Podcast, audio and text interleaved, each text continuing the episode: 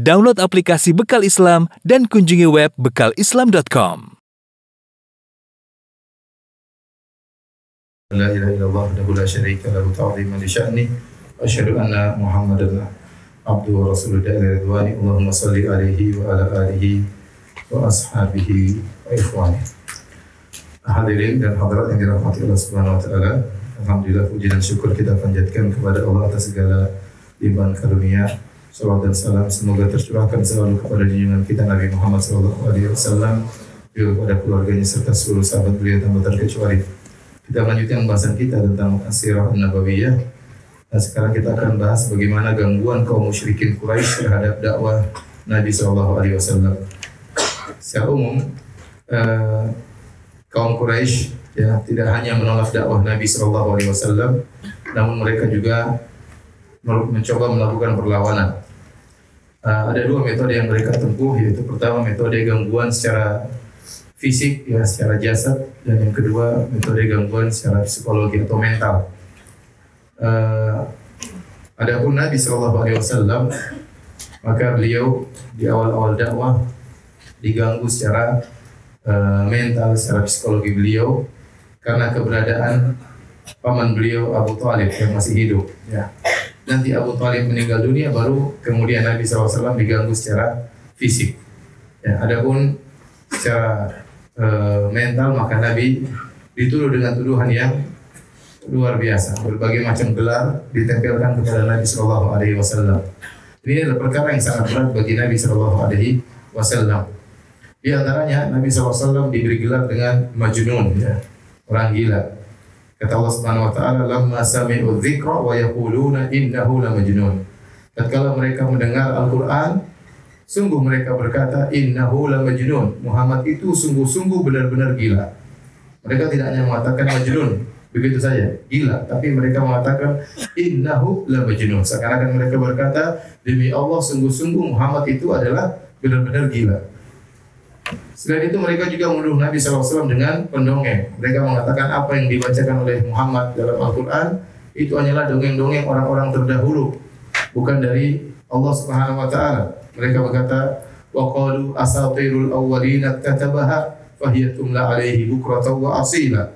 Mereka berkata itu hanyalah dongeng-dongeng orang-orang terdahulu yang dicatat oleh Muhammad, didiktekan kepadanya pagi dan petang. Disusun oleh Muhammad, ada yang mendiktekan kepada pada Muhammad.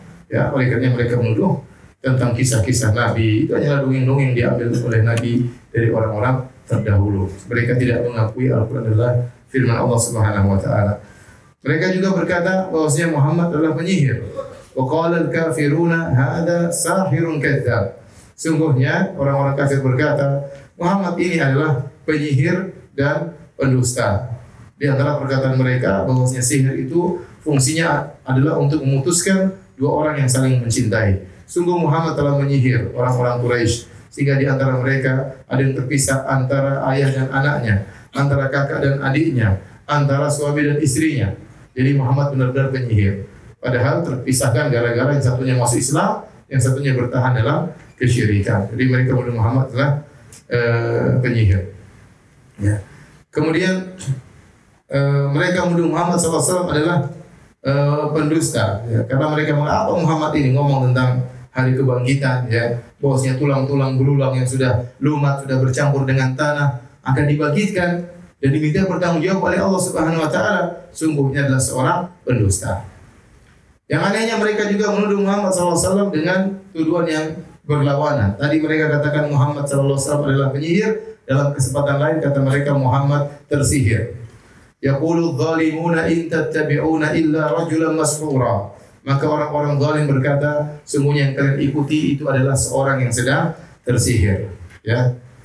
Jadi menuduh mereka menuduh Rasulullah dengan tuduhan yang banyak. Ya. Kahin, dukun, sahir, penyihir, mashur, tersihir, majnun, orang gila. Lalu orang gila ngapain ditakut? Ngapain takut sama orang orang gila ya?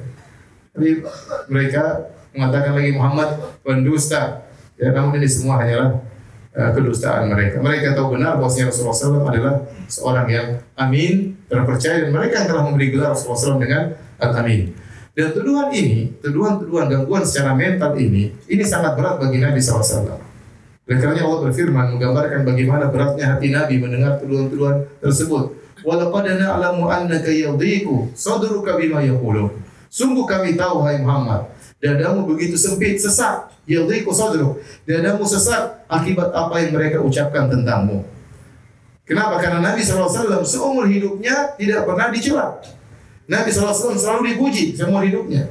Sampai beliau diberi gelar dengan Al-Amin. Beliau adalah anak dari pembesar Quraisy, penguasa kota Mekah, Abdul Muttalib kakek beliau sallallahu alaihi wasallam. Ya.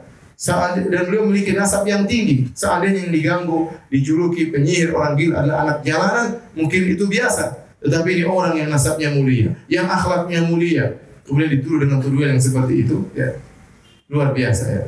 Dengan berbagai macam gelar ditempelkan langsung kepada Nabi Shallallahu Alaihi Wasallam. Seandainya Nabi ingin kedudukan, Nabi nggak perlu ngaku jadi Nabi. Tinggal meneruskan warisan tahta ayahnya dari kakeknya, maka dia akan menjadi pemimpin kota Mekah secara mutlak langsung. Seandainya Nabi tidak ngaku jadi Nabi, dia akan bakalan diangkat menjadi pemimpin kota kota Mekah. Apalagi sekarang sudah diberi gelar dengan Al-Amin. Tetapi ini adalah tugas dari Allah Subhanahu wa taala, maka Nabi menyatakan dirinya sebagai nabi meskipun resikonya beliau dituduh dengan tuduhan yang tidak-tidak.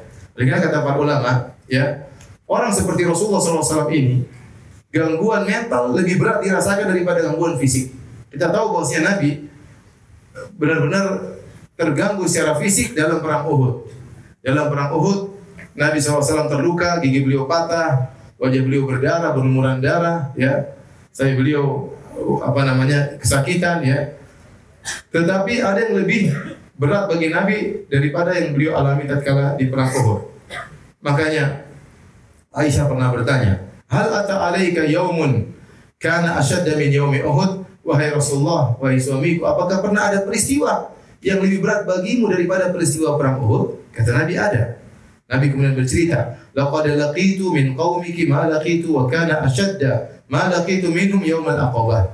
Yang paling berat aku dapat gangguan dari kaummu yaitu tatkala aku bertemu kepada pembesar-pembesar kota Taif di hari Aqabah. Id aradtu nafsi ala ibni abdin ya lail bin abdi kilal.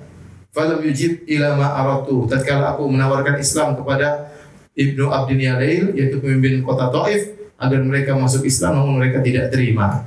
Fantolaktu wa ana mahmum ala wajhi. Saya pun keluar dari kota Taif dalam kondisi sangat sedih. Falam astafiq illa wa ana biqarni. Begitu sedihnya aku aku tidak sadar sambil berjalan tiba-tiba aku sadar aku sadar ternyata aku sudah berada di satu tempat namanya Qarnu Tha'alib. Farafa'tu farafa'tu ra'si. Aku pun mengangkat kepalaku fa idza ana bisahabatin qad adallatni. Tiba-tiba ada awan yang menaungiku. Fanadhartu fa idza fiha Jibril. Aku lihat awan tersebut ternyata ada malaikat Jibril. Fanadani. Kemudian malaikat Jibril memanggilku dan berkata, Sungguhnya Allah telah mendengar perkataan kaummu tentang engkau. Perhatikan kata Jibril. Inna Allah qad sami'a qawla qaumika laka. Allah telah mendengar ejekan kaummu terhadap tentang dirimu. Wa ma raddu alaika bagaimana mereka menolakmu. Wa ba'atha ilaika malakal jibal lita'murahu bima syi'ta fihim. Allah telah mengirim malaikat gunung untuk kau perintahkan yang kau kehendaki. Fanadani malakul jibal. Maka malaikat gunung manggilku dan fasallama alayya. Mengucapkan salam kepadaku kemudian berkata, Wahai Muhammad, Zalika fima syi'ta, terserah apa yang kau kehendaki. In syi'ta an utbaq alaihim al-akhshabain. Kalau kau berkehendak, saya akan angkat dua gunung ini, saya timpakan kepada mereka. Maka Nabi SAW berkata, Bal arju an yukhrijallahu min aslabihim man ya'budallahu wahdahu la yusyriku bihi syai'a. Jangan aku berharap keluar dari keturunan mereka orang-orang yang menyembah Allah semata dan tidak berbuat syirik sama sekali. Nabi tidak berkata kebetulan, ya kebetulan. Saya lagi marah, lemparin aja mereka. Tidak. Tapi perhatikan kenapa Nabi SAW begitu sedih. Ternyata waktu Nabi berdakwah di kota Taif, dia dihina. Ada yang berkata, saya akan robek kiswah Ka'bah kalau memang kau diutus Allah. Kalau kau ini Nabi, saya akan robek kiswah Ka'bah. Yang satu berkata, Ama wajadallahu ahadan yursiluhu. Goyrok, apa tidak ada orang lain yang jadi nabi? Kok kamu yang jadi nabi? Ini perkataan sangat menghina Nabi SAW. Ya. Ini yang buat Nabi sangat sedih. Jadi kata para ulama, Rasulullah SAW mending beliau diganggu fisik daripada diganggu psikologi beliau dituduh dengan tuduhan tidak-tidak. Oleh karena benarlah perkataan seorang penyair, jarahatus sinani lahal ti'amu wa la yaltamu ma lisanu. Sungguhnya luka akibat sayatan pedang masih bisa disembuhkan, tetapi luka akibat sayatan lisan susah untuk di, disembuhkan. Ya. Orang kalau sudah dihina, dijatuhkan, dendamnya luar biasa. Dipukul, disakiti, dia mungkin masih sembuh tinggal berapa. Tapi kalau dihina, dijatuhkan harga dirinya, dia benar-benar merasa sakit. Dan itu yang dialami oleh Nabi SAW. Dan Allah mengatakan, Walau pada na'lamu annaka yadhiku sadruka bima yaqulun. Sungguh kami tahu dadamu sempit wahai Rasulullah akibat tuduhan yang mereka lakukan. Tapi kata Allah, ya, fasabbih bihamdi rabbik. Ya, wa kum minas sajidin. Kata Allah Subhanahu wa taala, maka bertasbihlah kepada Rabbmu dan sujudlah. Sudah cuekin mereka ibadah kepada Allah Subhanahu wa. Baik di antara ejekan-ejekan yang dilancarkan kepada Nabi SAW ini semua gangguan mental ya. Apa yang diriwayatkan dari Abu Jahal, Abu Jahal ya, dia pernah berkata kepada kaumnya, kata dia, ya masyarakat Quraisy, wahai orang Quraisy sekalian. Nabi sebutkan tentang syajaratul zakum, tentang pohon zakum yang merupakan makanan penghuni neraka jahanam. Ya, ini dengar, didengar oleh Abu Jahal. Abu Jahal ingin ngejek tentang pohon zakum. Kata dia, wahai orang-orang Quraisy kalian, hal tadruna ma syajaratul zakum allati yukhawifukum biha Muhammad?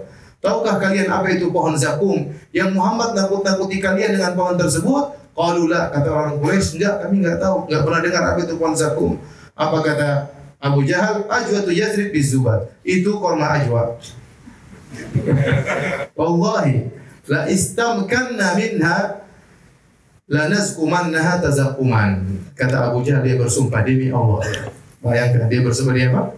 Demi Allah. Abu Jahal kenal Allah, makanya dia sering bersumpah dengan demi Allah. Demi Allah kalau kita dapati pohon zakum, kita akan makan sebanyak-banyaknya. Nanti doanya dikabulkan oleh Allah Subhanahu wa taala. Maka Allah turunkan firman-Nya, Inna syajarataz zakum ta'amul adim. Sungguhnya pohon zakum adalah makanan bagi pendosa. Kal muhli yaghli fil butun. Kaghalil hamim yang sangat minyak yang sangat panas mendidih dalam tubuh sebagaimana mendidihnya air yang panas. Maka dalam sebagian riwayat kata Nabi wasallam, "Lau anna qatratan minaz zakum qatarat ala ahli al-ard la afsadat alaihim ma'aishahum."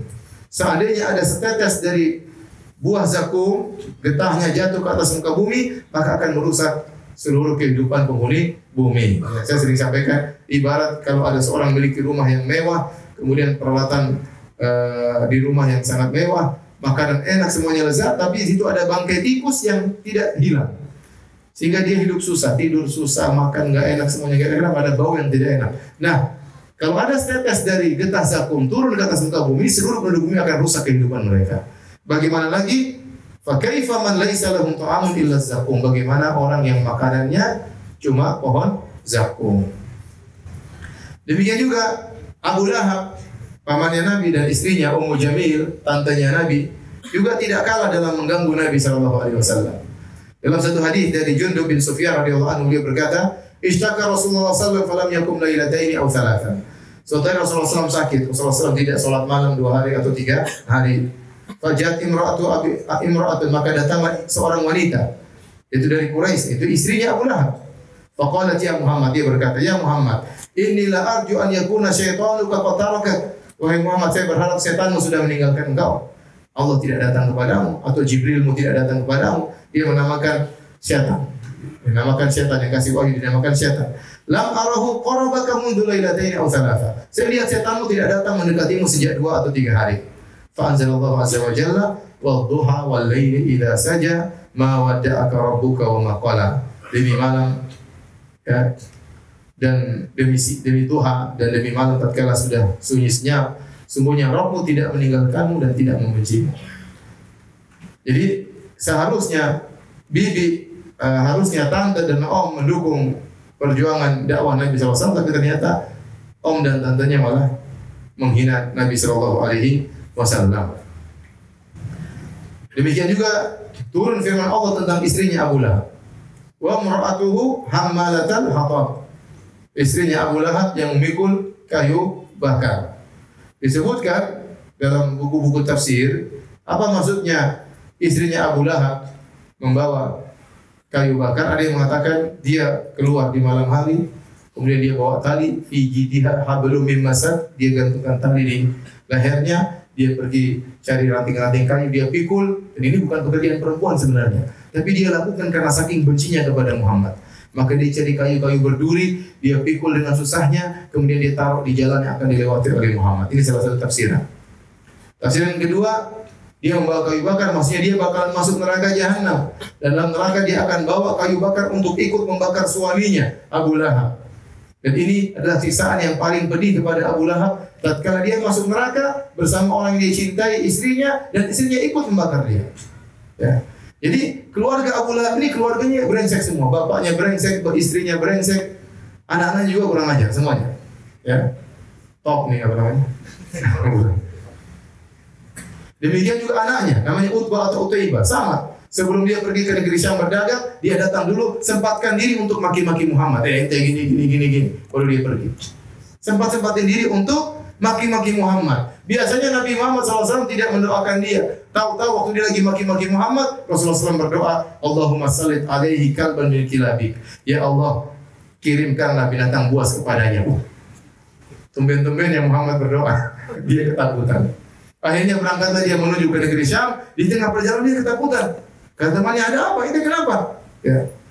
Saya takut dengan doanya Muhammad. Jangan khawatir. Tidak akan ada binatang buas mendatangimu. Kami akan menjagamu.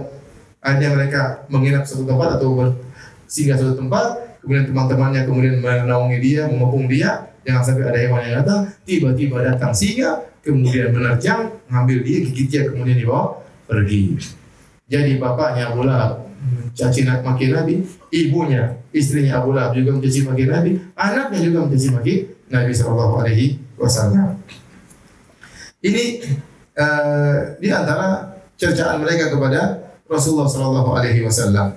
Demikian juga Abu Jahal pernah sesumbar sambil menantang. Ia berkata, wahai Muhammad, kalau agamamu itu benar dari Allah, turunkanlah hujan batu. Yang benar turunkan hujan batu, kita siap dihujani dengan batu. Maka Allah turunkan firman-Nya, "Wa idh qalu Allahumma in kana hadha huwal haqqu min 'indik fa'amtir 'alaina hijaratan minas sama." Mereka berdoa, "Ya Allah."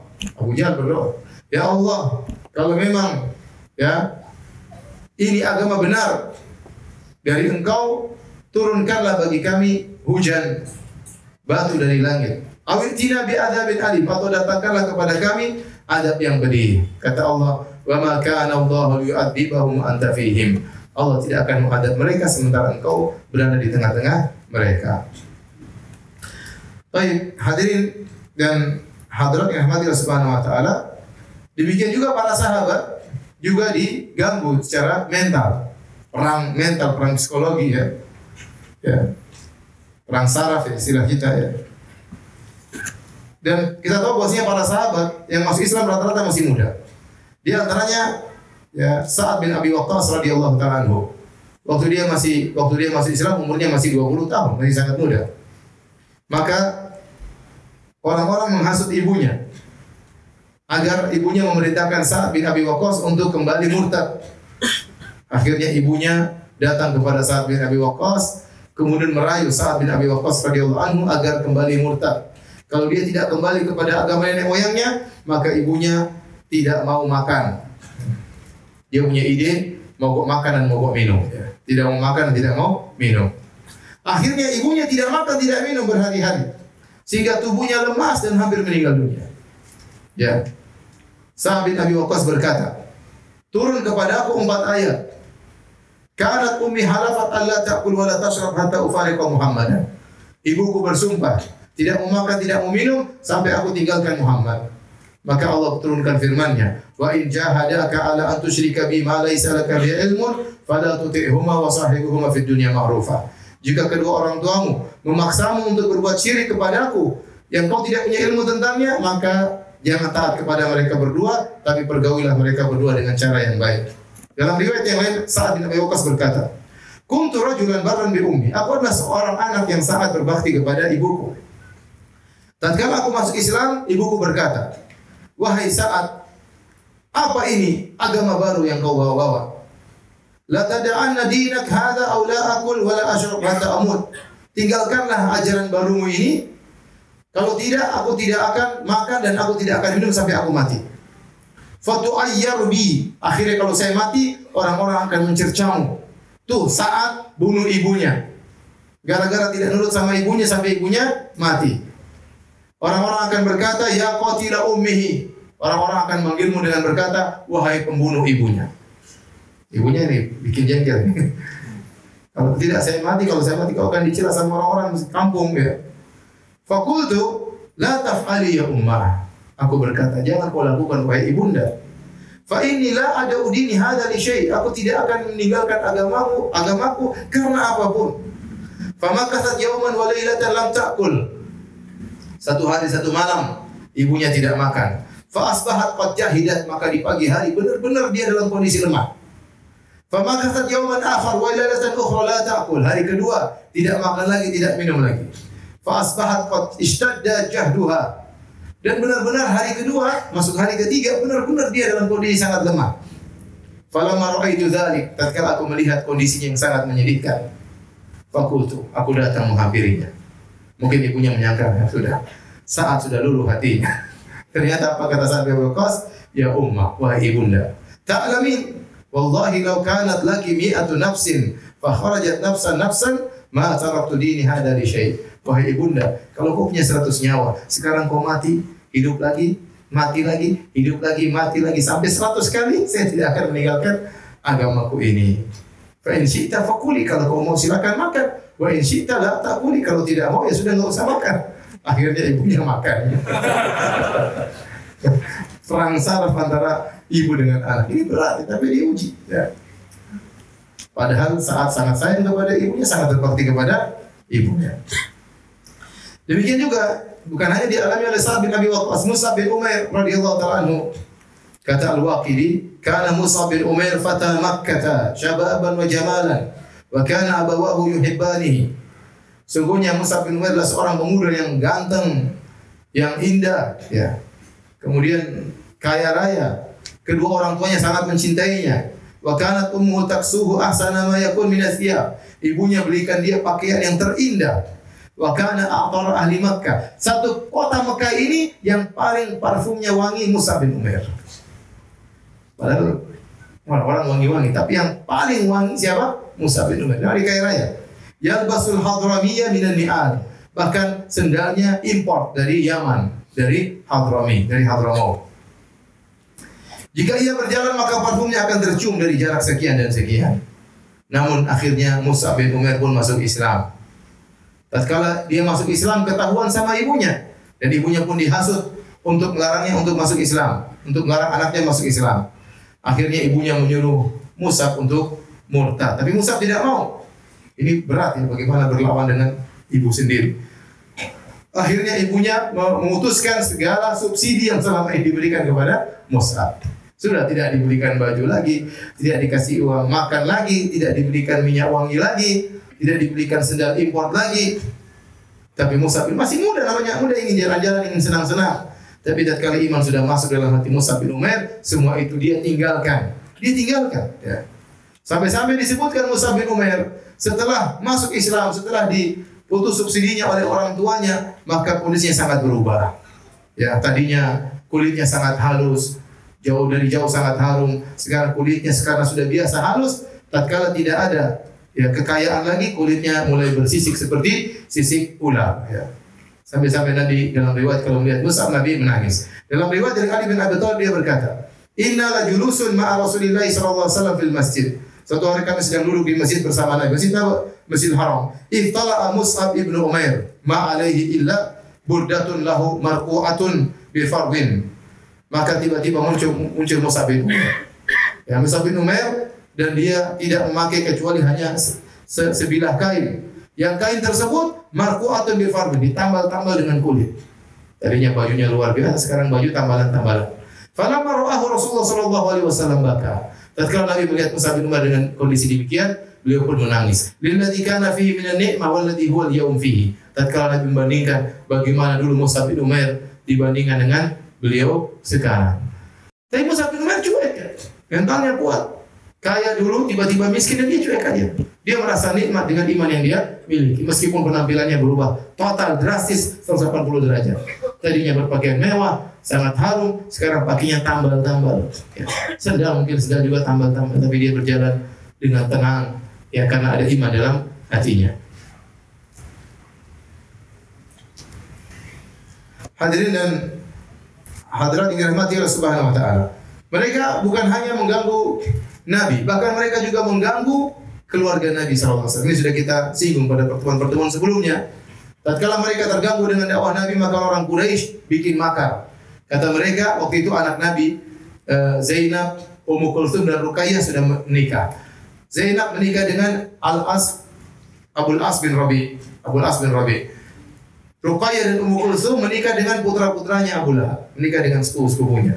Ya, menikah dengan uh, dengan putra-putranya Abu Lahab dengan sepupunya Nabi SAW. Kemudian tatkala orang-orang kafir Quraisy terganggu dengan Nabi SAW maka mereka mengatakan ganggu Muhammad, buat dia sedih. Suruh ceraikan putri-putrinya agar dia tersibukkan mengurus putri-putrinya. Akhirnya mereka datang kepada putra-putra Abu Lahab ditawarkan harta, ceraikan putri-putri Muhammad. Kalau kalian menceraikan putri-putri Muhammad, kau minta nikah dengan siapa? Kami akan berikan. Akhirnya anak-anaknya Abu Lahab menceraikan Ruqayyah dan Ummu Kulthum. Dan ini sangat menyedihkan Nabi Shallallahu Alaihi Wasallam. Jadi seorang sangat sedih tatkala bukan cuma saja dia yang diganggu, tapi ternyata keluarga juga di, diganggu. Mungkin orang tuanya diganggu, mungkin adiknya diganggu, mungkin anaknya diganggu. Nabi SAW anaknya diganggu. Agar Nabi dibuat sedih. Agar meninggalkan dakwah tersebut. Khadijah juga diminta, Abul As diminta untuk menceraikan Zainab. Tetapi Abul As tidak menceraikan Zainab. Ya, dia tetap bertahan dengan Zainab radhiyallahu taala anha.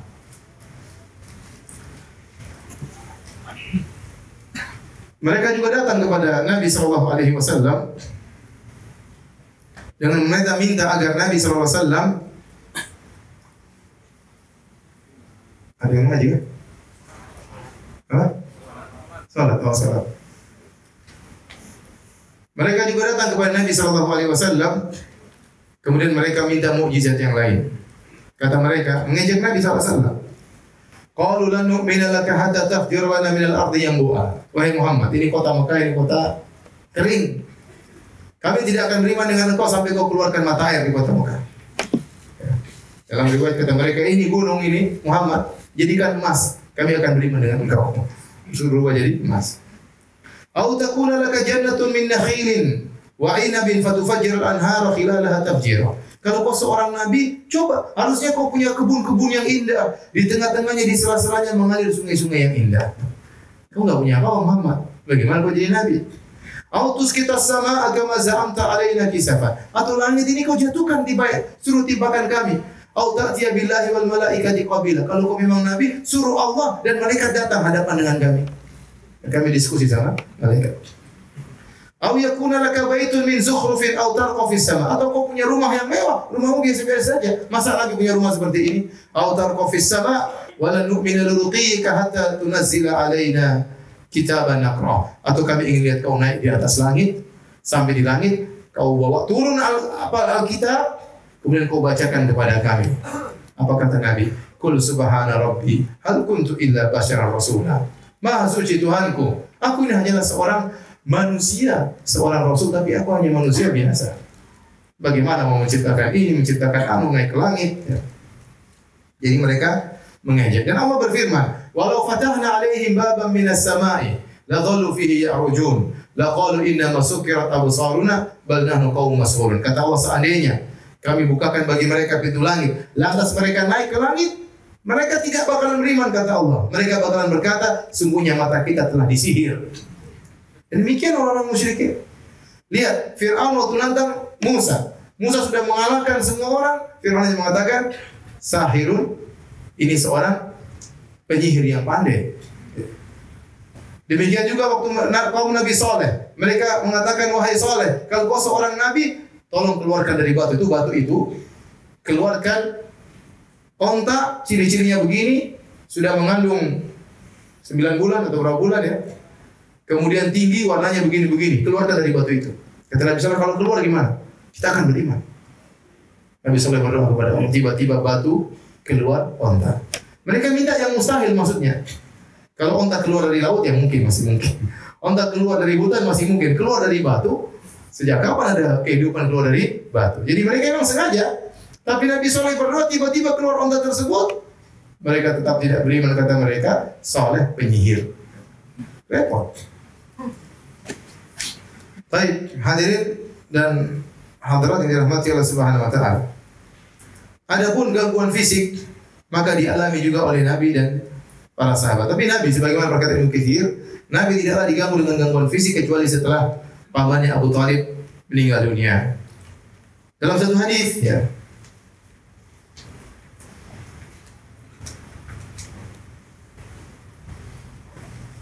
Mereka ganggu Nabi Shallallahu Alaihi Wasallam dengan banyak gangguan. Ya.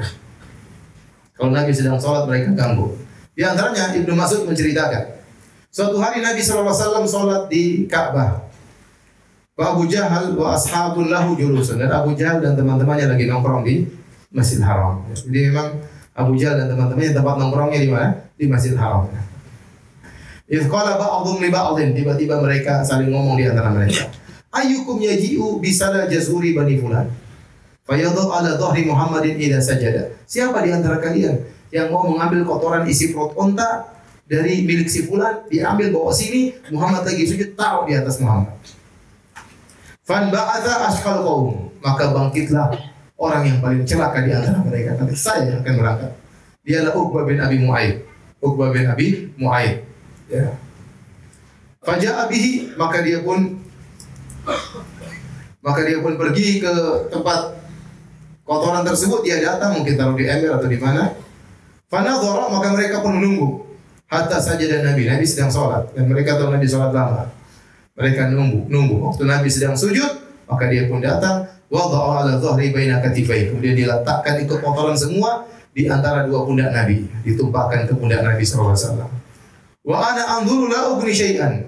Kata Ibnu Mas'ud, aku hanya lihat, aku tidak bisa melakukan apa. Ibnu Mas'ud ini kabilahnya kecil. Ya, jadi dia tidak punya kabilah yang kuat, dia tidak bisa nolong Rasulullah SAW, apalagi badannya kurus. Dia lihat Nabi diganggu, namun dia cuma lihat saja, tidak bisa apa-apa. Wa Rasulullah SAW sajidun la yarfa'u ra'sahu. Dan Nabi tetap tidak bergeming, sujud, tidak mengangkat kepalanya. Hatta ja'at Fatimah, sampai ada yang kabarkan kepada Fatimah, wahai Fatimah, bapakmu diganggu oleh Abu Jahal dan teman-temannya. Maka Fatimah pun datang keluar dari rumahnya. Fatarahat an dhahrihi, kemudian dia bersihkan kotoran dari pundak bapaknya. Kemudian Nah Fatimah masih kecil. Bagaimana sedihnya Nabi lihat putrinya, lihat bapaknya diganggu di hadapan umum. Ya, dan bapaknya tidak bisa berbuat apa-apa. Sementara Fatimah yang masih kecil melihat kondisi demikian. Bagaimana mental gangguan pada Fatimah dan apa kesedihan yang dirasakan oleh Nabi sallallahu alaihi wasallam. Tsumma aqbalat alaihim tasjumuhum. Setelah dia bersihkan kotoran dari pundak bapaknya, Fatimah masih kecil Fatimah kemudian menghadap Abu Jahal, dimaki-maki Abu Jahal. Terus mau berkelahi nggak bisa. Itu perempuan kecil. Ya. Farafa Rasulullah SAW ra'sahu. Setelah dibersihkan oleh putrinya, bayangkan itu bayangkan Nabi datang putrinya. Ini semua pemandangan yang menyedihkan. Dibersihkan oleh putrinya, kemudian Nabi angkat kepalanya. Setelah bersih Nabi angkat kepalanya. Setelah Nabi angkat kepalanya, kemudian Nabi berdoa dengan doa yang didengar oleh mereka. Kata kata Nabi, Allahumma alaika bi Quraisy. Ya Allah hancurkan Quraisy. Salah marah tiga kali. Allahumma alaika bi Quraisy. Ya Allah hancurkan Quraisy. Ya Allah hancurkan orang-orang Quraisy. Fasyaqa dzalika alaihim idda'a alaihim. Waktu Abu Jahal dan teman-temannya dengar Muhammad berdoa, mereka ketakutan. Waduh, Muhammad doa. Orang soleh berdoa depan Ka'bah lagi. mereka mengagungkan Ka'bah. Ya, wa kanu yarawna anna da'wa fi dzalikal balad mustajabatun. Mereka tahu doa di tanah suci dikabulkan. Mereka tahu. Setelah itu bukan cuma sampai di situ Nabi berdoa. Thumma sama. Kemudian Nabi menyebut nama satu persatu. Kata Nabi, Allahumma alaika bi Abi Jahal. Ya Allah binasakanlah Abu Jahal. Abu Jahal dengar. Wa alaika bi Utbah bin Rabi'ah. Ya Allah binasakan Utbah bin Rabi'ah. Wa Syaibah bin Rabi'ah. Binasakan Syaibah bin Rabi'ah binasakan binasakan Al-Walid bin Utbah, wa Umayyah bin Khalaf, wa Uqbah bin Abi Mu'ayyid. Sampai Rasulullah sebutkan tujuh orang yang sedang di situ. Ya.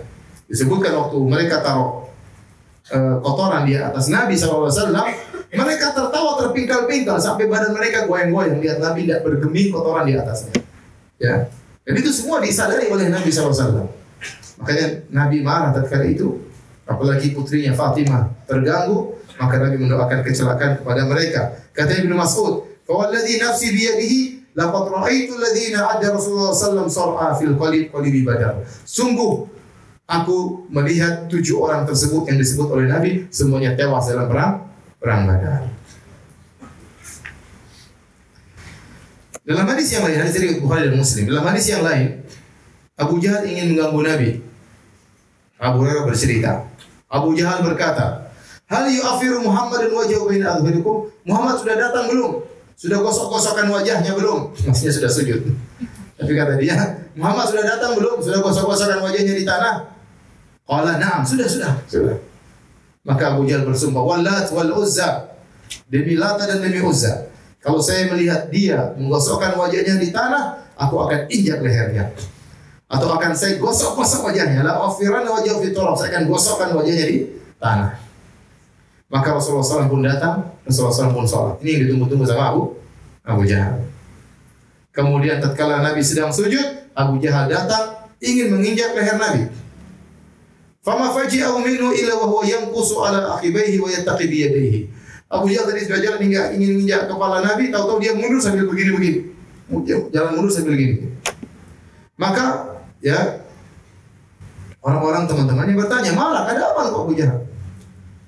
Kata Abu Jahal, "Inna baini wa bainahu la khandaqan min nar wa hawlan wa ajniha." Antara aku dengan dia ada parit berisi eh, menyalakan api dan ada sayap-sayap di hadapanku. Makanya dia begini-begini waktu dia mundur. Maka Nabi SAW berkata, Laudana minni lahtatafathul malaikatu udwan udwan. Kalau dia nekat dekat kepadaku, maka malaikat akan potong dia sepotong demi sepotong. Dan turunlah firman Allah Subhanahu wa taala dalam surat Al apa namanya? Al-Alaq, kalla innal insana la yatgha. Sungguh manusia itu benar-benar melampaui batas, sombong, an ra'ahu istaghna. Tatkala dia merasa dirinya sudah berkecukupan. Dia merasa duitnya sudah banyak dan dia merasa dia kepala kabilah sehingga dia akhirnya melampaui batas.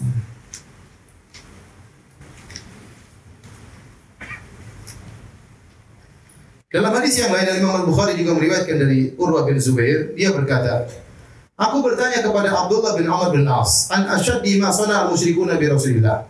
Tentang perkara yang paling parah yang dilakukan oleh kaum musyrikin kepada Nabi sallallahu alaihi wasallam. Kata dia, Bas berkata, Ra'aitu Uqbah bin Abi Mu'ayyid ja'a ila Nabi sallallahu alaihi wasallam yusalli. Uqbah bin Abi Mu'ayyid datang kepada Nabi, Mu'ayyid datang kepada Nabi, Nabi sedang salat. Fa wada'a rida'ahu fi unuqihi fa bihi. Nabi sedang salat berdiri, tahu-tahu Uqbah bin Abi Mu'ayyid datang, dia ambil kain, dia ikatkan di leher Nabi, kemudian dia cekat Nabi sallallahu alaihi wasallam. Faja Abu Bakrin hatta dafa anhu. Datang Abu Bakar kemudian mendorong Uqbah bin Abi Mu'ayyid. Abu Bakar membaca firman Allah, "Ataqtuluna rajulan ay yaqula rabbi Allah wa qad ja'akum bil bayyinati min rabbikum." Apakah hendak membunuh seorang yang mengucapkan Tuhanku adalah Allah dan dia telah mendatangkan dalil-dalil dari Rabb kalian. Baik, Nabi diganggu secara fisik. Demikian juga para sahabat. Ibnu Mas'ud diganggu secara fisik. Suatu hari sahabat Nabi berkumpul dekat Masjid Haram. Kemudian mereka ngobrol-ngobrol. Kemudian mereka berkata, demi Allah, sungguhnya Quraisy belum mendengar Al-Quran. Didengarkan secara dibaca dengan keras. Siapa di antara kalian yang mampu mendengarkan Al-Quran kepada orang-orang Quraisy? Kata Ibnu Mas'ud, saya. Saya akan dengarkan Al-Quran kepada mereka. Kata mereka, jangan. Ya, kami ingin seorang yang punya kabilah yang kuat. Kata Ibnu Mas'ud, biarin saya baca Al-Quran depan mereka. Ya, Allah akan membela aku, kata Ibnu Mas'ud. Fa inna Allah saya menauni. Allah akan bela saya. Maka Ibnu Mas'ud pergi ke dekat makom Ibrahim di waktu duha dan orang-orang Quraisy biasa sedang nongkrong di Masjidil Haram. Kemudian tatkala sudah di sisi makom Ibrahim, kemudian Ibnu Mas'ud baca Al-Quran dengan suara yang keras. Kata beliau, Bismillahirrahmanirrahim. Ar-Rahman, Allamal Quran. Keras dia baca. Orang-orang Quraisy, apa itu? Apa itu? Thumma stakbala yaqra'u. Kemudian Ibnu Mas'ud menghadap orang-orang Quraisy, Abu Jahal dan teman-temannya. Dia baca dengan suara yang keras. Kemudian fata'amalu mereka dengar baik-baik. Apa itu? Faja'alu yaqulun, "Madza qala Ibnu Ummi Abdi?" Ngomong apa sih? Ngomong apa sih? Terus Ibnu Mas'ud baca surat Ar-Rahman. Akhirnya mereka, "Oh, dia baca Qur'annya Muhammad." Dia baca Qur'annya Muhammad. Maka mereka berdiri, datang kemudian mereka pukul Ibnu Mas'ud dan Ibnu Mas'ud tetap baca Al-Quran sambil berdarah-darah tetap baca Ar-Rahman. Dia tidak kabur. Dipukul sampai beliau pun jatuh. Ya. Kemudian dia pun dia berjalan menuju ke teman-temannya sementara wajahnya sudah hancur-hancuran. Kata mereka, kan kami sudah bilang, ini yang kami takutkan. Kau bakalan dipukul. Kata dia, ini bibiringan. Kalau kalian mau besok lagi saya ke situ. Oh jangan, jangan. Jadi lihat, menurut saya, bagaimana para sahabat dahulu susah untuk beribadah. Baca Quran, ya saja mau dipukul sama orang-orang ya. Sekarang kita alhamdulillah baca Quran mudah. Kita di mana baca Quran mudah ya. Maka kita tidak usah malu-malu untuk beribadah. Orang sekarang bermaksiat tidak malu-malu. Kondisi sekarang sekarang menyedihkan di sebagian tempat. Orang pakai jilbab sampai malu. Ya, jadikan bahan sorotan, apalagi pakai cadar. Diejek sementara orang buka-bukaan, ya, terlihat auratnya, tidak malu-malu. Ya. Satu perkara yang biasa. Ya. Kondisi seperti ini kita khawatirkan turun azab. Ya. Tatkala kemaksiatan dianggap biasa, sementara kebaikan dianggap tidak biasa. Ya. Baik. Masih ada waktu? Berapa menit?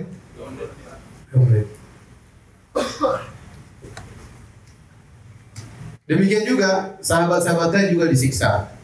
Di antaranya yang disiksa ya adalah Ammar bin Yasir, kemudian Bilal disiksa, Khobbab disiksa dengan siksaan yang sangat pedih. Ya, terutama tatkala mereka tidak memiliki kabilah yang kuat untuk membela mereka. Terutama orang-orang yang sangat lemah seperti Khobbab dan Bilal yang merupakan budak. Sehingga tatkala disiksa susah ada yang membela mereka. Bilal radhiyallahu taala disiksa oleh tuannya Umayyah bin Khalaf. Umayyah bin Khalaf ya disebutkan bagaimana Umayyah bin Khalaf menyiksa Bilal. Dikeluarkan di siang hari bolong, kemudian diletakkan batu di atasnya, dijemur di bawah terik matahari. Demikian juga disebutkan bagaimana Bilal ya a'tahu lil wildan. Bilal diserahkan kepada anak-anak. Wa akhadhu yatufuna bihi sya'aba Makkah. Kemudian ditarik oleh anak-anak digeret di atas pasir, diputar di kota Mekah. Wa huwa yaqul ahadun ahad. Dan dia terus berkata ahadun ahad. Ya. Umayyah bin Khalaf ya. Di siang hari tadi diletakkan Bilal dijemur di bawah terik matahari, kemudian dia ambil batu besar diletakkan di dadanya. Kemudian dia berkata, "Kembalilah engkau kepada agama nenek moyangmu. Aku akan terus menyiksamu sampai kau kafir kepada Muhammad dan kau menyembah Lata dan Uzza." Tetapi Bilal tetap mengatakan ahadun ahad. Baik, perhatikan di sini Bilal ya disiksa dan dia tetap mengatakan apa? Ahadun ahad. Apa artinya ahad ahad? Allah yang maha esa. Kata para ulama Bilal tidak mengatakan Allahu Akbar. Allahu A'zam, Allah Maha Besar tidak, tapi dia pilih kata-kata yang buat jengkel majikan. Dia pilih kata Allah Maha apa? Esa. Itu kamu lata udah semuanya syirik. Maka dia pilih kata yang buat jengkel apa? Majikan. Dan majikan terus menyiksa. Ya, namun tidak dibunuh Bilal. Ya. Tidak dibunuh Bilal oleh majikannya. Tapi nanti kita lanjutkan insya Allah. Wabillahi taufiq. Assalamualaikum warahmatullahi wabarakatuh. Alhamdulillah salatu wassalamu ala Rasulillah wa ala alihi wa. Kita lanjutkan sedikit ya. Tadi kita sebutkan Umayyah bin Khalaf Al-Jumahi. Uh, dia menyiksa budaknya itu Bilal. Yukhrijuhu idha hamiyati zahirah. Tatkala matahari sudah sangat terik, maka dia pun mengeluarkan Bilal untuk dijemur di bawah terik matahari. Fayatrahahu ala dhahri fi batha Makkah. Thumma ya'mur bi sakhrah al-azimah fatudha ala sadrihi. Kemudian diletakkanlah dijemur di Batha di tengah-tengah kota Mekah. Kemudian dia merintahkan untuk mengambil batu yang sangat besar untuk diletakkan di atas dadanya. Kemudian dia berkata, La wallahi la tazalu hakada hatta tamut atau takfur bi Muhammad. Demi Allah wahai Bilal, kau akan terus demikian disiksa sampai kau mati atau kau kufur kafir kepada Muhammad. Wa ta'budal Lata wal Uzza sampai kau menyembah Lata dan Uzza. Fa yaqulu wa huwa fi dhalikal bala. Bilal tatkala dalam kondisi sulit demikian, dia tetap berkata ahadun ahad. Allah Maha Esa, Allah Maha Esa.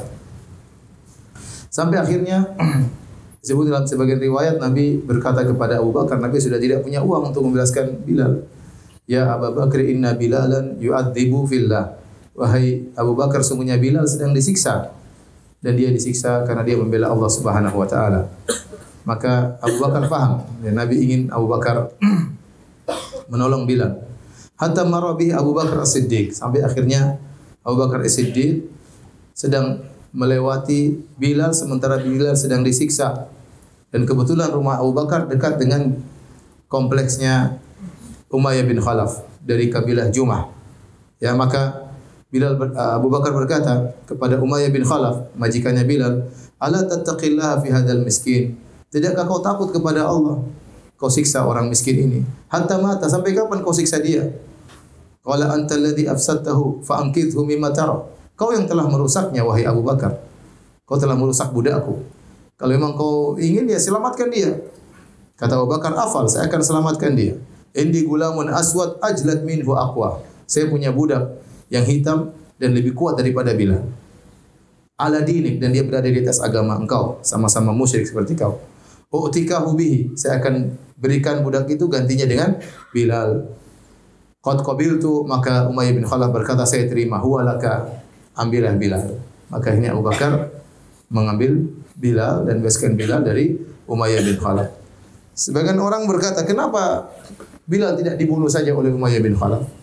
Tiap hari disiksa, dikeluarkan di bawah terik matahari. Ya. Sebagian ulama mengatakan mereka sedang perang. Perang apa? Perang mental, perang saraf. Ya. Umayyah bin Khalaf ingin Bilal kalah dengan dia. Kalau dia bunuh Bilal, selesai berarti dipaksa untuk kalah. Maka dia terus siksa sampai Bilal akhirnya tunduk kepada Umayyah bin Khalaf. Ya, namun ternyata Bilal tidak tunduk-tunduk. Makanya Umayyah bin Khalaf senang begitu Abu Bakar memilih Bilal maka Bilal pun akan lepas dari dia dan tidak terlihat di hadapan masyarakat dia kalah dalam pertempuran apa? Pertempuran mental dengan Bilal ya. Sebenarnya dia kalah, cuma alhamdulillah Abu Bakar membebaskan Bilal. Demikian juga sahabat yang disiksa seperti uh, Ammar bin Yasir. Ammar bin Yasir keluarganya dibunuh, Yasir dibunuh, ibunya Sumayyah juga dibunuh, datang Abu Jahal kemudian mengambil khirbah semacam tombak lalu menusukkan hirbah ke kemaluan Sumayyah sehingga wanita pertama yang mati syahid dalam Islam. Sementara Nabi SAW lewat, Nabi tidak bisa menolong. Nabi hanya berkata, Abshiru ala ala Ammar wa ala Yasir fa inna mau'idakumul jannah.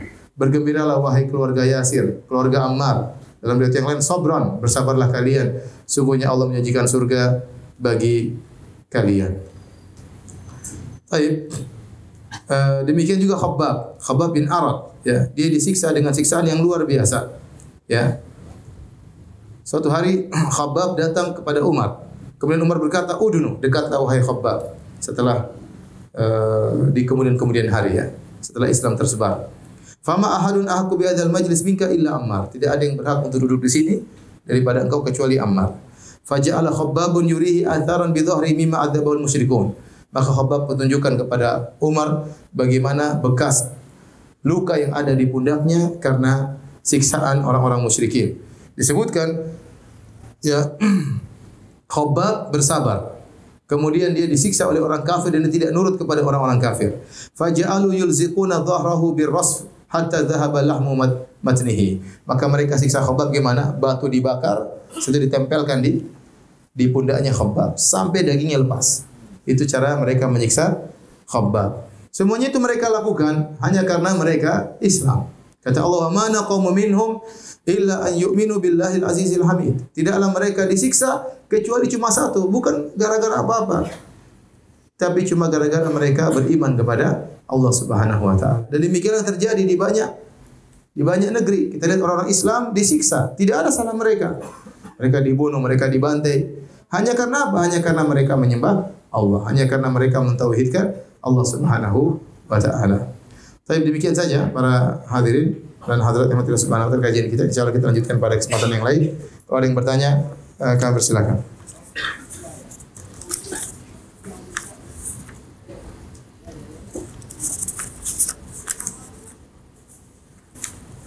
Apabila kita menyadari bahwa badan atau pakaian kita terkena kotoran ketika sholat, apa kita melanjutkan sholat itu atau itu khususan bagi Nabi? Jadi Nabi SAW sholat di tengah-tengah sholat Jibril datang menyampaikan kepada Nabi bahwasanya di khuf anda ada ada ada najis. Nabi sholat pakai khuf karena dulu pasir ya. Nabi bahkan mengatakan solu ala khifafikum. Sholatlah pakai khuf, pakai sepatu kalian. Jadi para sahabat dulu sholat pakai sendal di karena mesinnya dari pasir. Kalau sekarang ya nggak mungkin karena dari apa? Karpet. Jangan cari masalah sama DKM ya.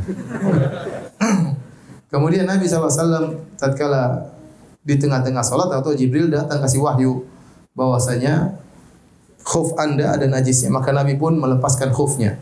Tatkala Nabi melepaskan khuf, para sahabat semuanya lihat, semuanya juga lepaskan khufnya. Maka setelah itu Nabi jelaskan, kenapa kalian lepaskan khuf? Kami lihat Anda melepaskan khuf Anda. Kata Nabi, saya lepaskan khuf karena apa? Karena ada najis. Di sini para ulama mengambil istibat hukum bahwasanya kalau ada najis di pakaian maka harus dibersihkan tatkala sedang sedang sholat. Makanya Nabi lepaskan khufnya karena langsung bersambung dengan tubuhnya. Maka khufnya dilepas agar sholatnya sah. Tetapi para ulama juga mengambil istimbat dari sini, mengambil hukum kalau ada orang sholat dan bajunya ternajisi dan dia tidak sadar, maka dimaafkan. Karena Nabi dua rakaat pertama dia tidak tahu kalau ada najis. Setelah itu baru kemudian dia sadar, baru kemudian dia lepaskan khufnya. Jadi kalau ada orang dia sholat, selesai sholat, assalamualaikum warahmatullahi wabarakatuh, dia lihat, uh ternyata bekas kencing anakku. Nah apa-apa, sholatnya sah. Karena dia ingatnya setelah sholat selesai. Tapi kalau dia ingat di tengah-tengah sholat, ternyata dia rasa tasyahud pertama, wih, apa ini basah-basah? Ini ternyata bekas kencing anaknya najis. Maka dia harus lepas bajunya tatkala itu. Dia harus lepas bajunya tatkala itu. Ya, selama auratnya tidak terbuka. Kalau ternyata dilepas baju mengakibatkan auratnya terbuka, maka dia batalkan sholatnya. Dia batalkan sholatnya. Ya. Ustaz di usia 28 tahun ini saya baru mengetahui saya punya ibu kandung yang non muslim. Bagaimana cara bakti saya terhadapnya? Tetapi saya dalam keadaan asing terhadapnya. Karena yang saya tahu ibu kandung saya selama ini adalah ibu yang merawat saya sejak kecil. Uh, bagaimanapun ya uh, berbakti kepada orang tua mencakup orang tua yang muslim maupun non muslim. Tadi kata Allah Subhanahu wa taala, "Wa in jahadaka ala an tusyrika bi ma laysa laka bi ilm." Kalau kedua orang tuamu yang musyrik, bukan cuma musyrik, bahkan maksa kamu untuk syirik, fala tutihuma, jangan taat kepada mereka berdua. Tapi kata Allah, wa sahibuhuma fid dunya ma'rufa. Namun pergaulilah mereka dengan cara yang baik.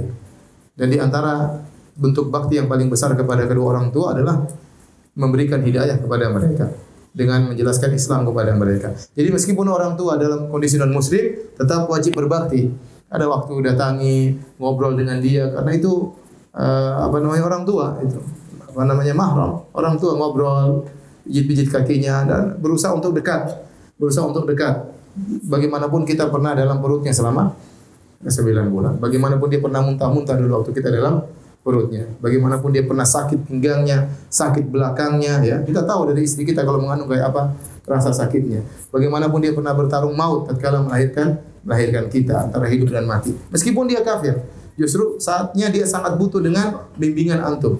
Maka datangilah, kemudian kenal lebih dekat. Saatnya kalau sudah dekat mulai didakwahi sedikit demi sedikit. Kalau kita punya kelebihan harta berikan kepada orang tua tersebut meskipun dia non muslim. Ustadz, maaf Ustadz bertanya di luar tema. Saat ini sedang viral di media sosial mengenai pembakaran kalimat tauhid oleh ormas. Mohon penjelasannya mengenai masalah ini. Saya sempat lihat, saya, saya dikirim sama kawan tentang pembakaran tersebut. Saya dikirim videonya hari Selasa kemarin. Ya, kemarin ya Selasa ya. Kejadian ini hari apa? Hari Minggu. Intinya saya lihat hari Selasa, saya lihat videonya memang sangat menyedihkan.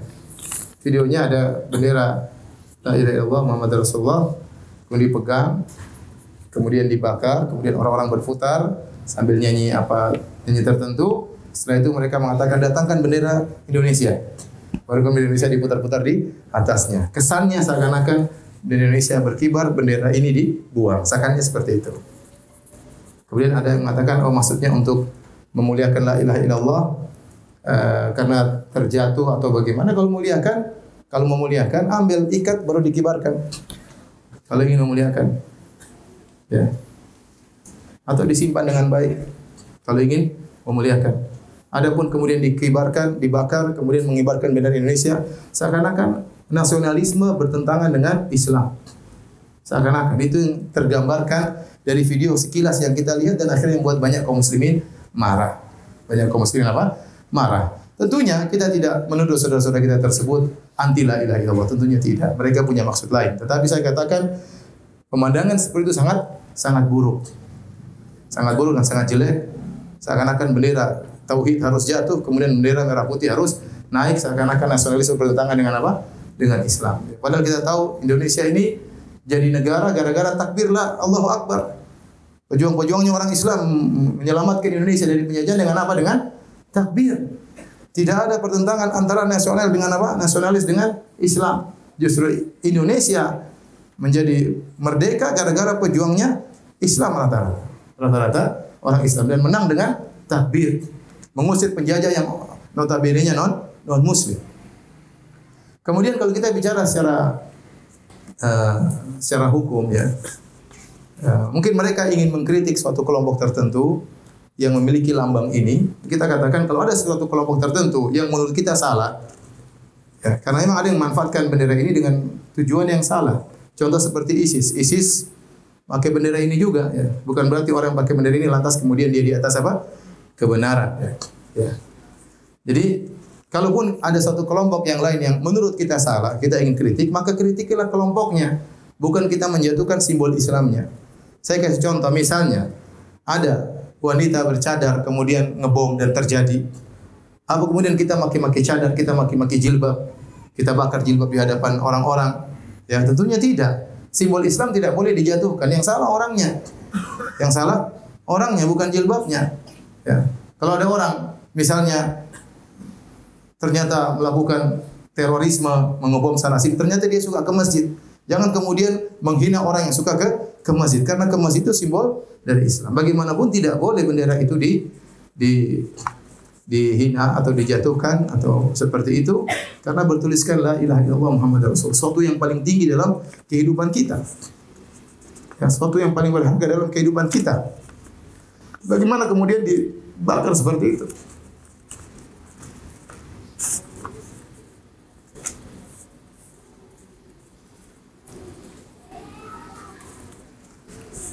Ya semoga Allah beri hidayah kepada kepada mereka.